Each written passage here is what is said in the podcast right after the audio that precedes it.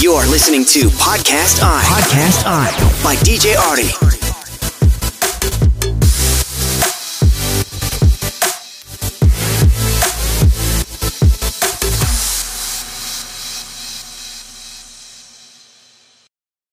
Three ways communication. Yes, three ways communication. Apa kabar lo di sana? Gimana masih presentasi di kantor? Woi, that's my soda. Come on, man. Jangan terlalu banyak loh, nanti mama marah. Jadi gue mau eh, nerangin three ways communication. Ini tentang presentasi ya, men ya. Jadi presentasi mau di kampus, mau di kantor, kalau nggak sedang presentasi untuk penjualan dan launching produk. Jadi kalau gue bilang setiap lo presentasi di mana pun, penting banget lo paham konsep three ways communication ini. Jadi dalam konsep ini ada tiga hal yang penting supaya presentasi lo tuh keren dan maksimal. Pertama ya, display atau screen yang nampilin slide presentasi lo. Kedua handout. Handout itu bahan tulisan di kertas yang biasanya dibagi-bagiin ke audiens. Ketiga, pastinya presenter itu sendiri, yaitu adalah kamu. Sun ayah dulu dong. Banyak-banyak deh. Terus sakit perut lagi loh. Masih ujian Senin.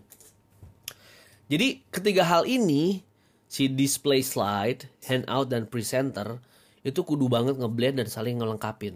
Maksudnya gini, eh, informasi-informasi yang ada di slide itu nggak boleh sama semua percis plak plak plak atau informasi yang ada kamu tulis di handout tuh sama sama display kalau ini kejadian ya presentasi kamu bakal mudah ditebak sama kebaca banget.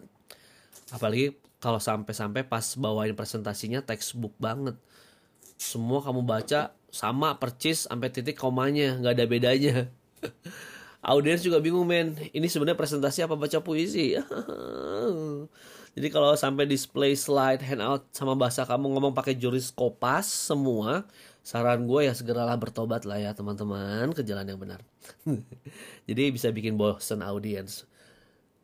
Sempet tuh kan dulu zaman tapi gue dulu zaman kuliah tuh ya emang kayak gitu teman-teman gue semua men. Jadi kerjaannya tuh kita presentasi di depan tuh yang ngeliatin teks di depan gitu di display. Karena ketidaktahuan kita kita gitu jadinya si audiens itu ya itu dipantatin oke kita bahas yang pertama ya yang bahas pertama satu persatu biar presentasi lu tuh makin kece ya sebenarnya paling enak bahasan yang ini baca buku gue deh ya judul buku gue Enjoy Public Speaking, Jago Speak Up and Presentasi KSC. Ada gambarnya terus ada videonya. Tapi nggak apa-apa. Gue juga seneng capruk kok ya nge-podcast kayak gini. Siapa tahu berguna juga yang nggak sempet sempet lihat YouTube tapi lebih suka ngedengerin lebih lebih masuk gitu kalau ngedengerin gitu ya. Ya oke. Okay. Dari three ways communication ini yang pertama adalah kan uh, sorry sorry gue uh, ini lagi review lagi display kemudian handout sama presenter. Kita bahas display dulu. Jadi display slide yang lo bawain itu harus kuat efek visualnya, tapi nggak bikin pusing.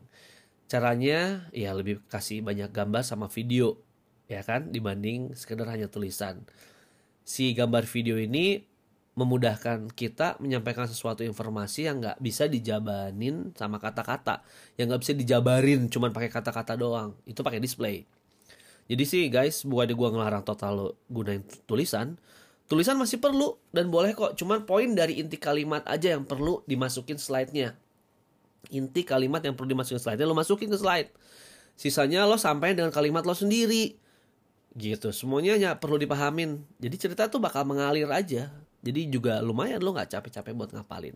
Misalnya gini, sekarang memasuki bulan November.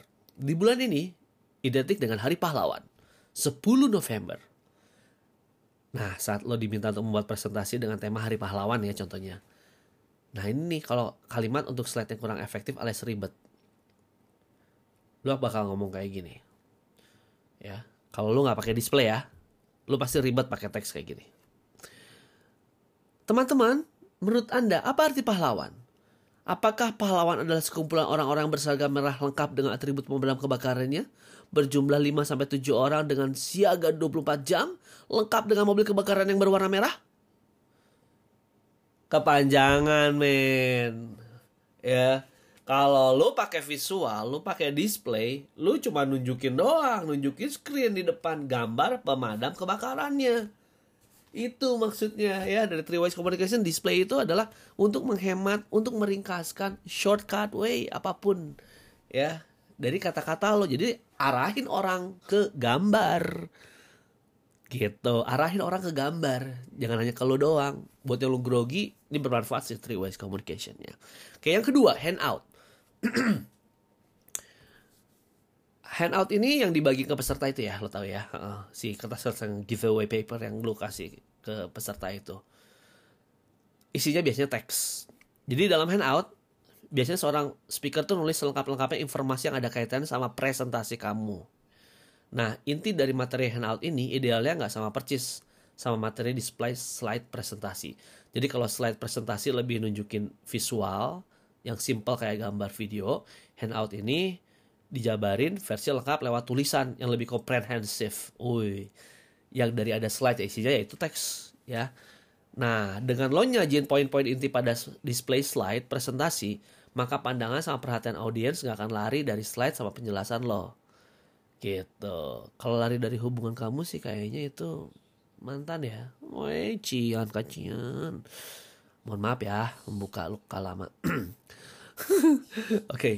nah gue lanjut lagi. Jadi audiens ngerasa perlu tetap fokus and pay attention saran gue karena penjelasan kamu di slide dipastiin lebih sederhana ya. Nah lengkapnya ada di handout. Gitu. Handout berguna banget kalau audiens mau tahu informasi lebih lengkap dari poin-poin yang ada di slide. Contoh langsung. Ya misalnya gini ada informasi. Ada sebanyak 200 kecamatan yang bakal dibebaskan lahannya atau dilakukan alih fungsi lahan sehubungan dengan pembangunan flyover di daerah X. Kalau kayak gini lo harus gimana? Pakai tulisan banyak Lu tulis 200 kecamatan yang bakal dibebaskan lahannya. Lu tulis di slide, di screen. 200 kecamatan itu adalah suka senang, suka maju, suka sari, suka baperan, suka di PHP-in. Lu semua terus 200 kecamatan di slide screen. No way. Ya. Yeah. Yang lu lakukan adalah di slide itu cuma tulis ada tulisan 200 kecamatan atau maps, peta ya di depan.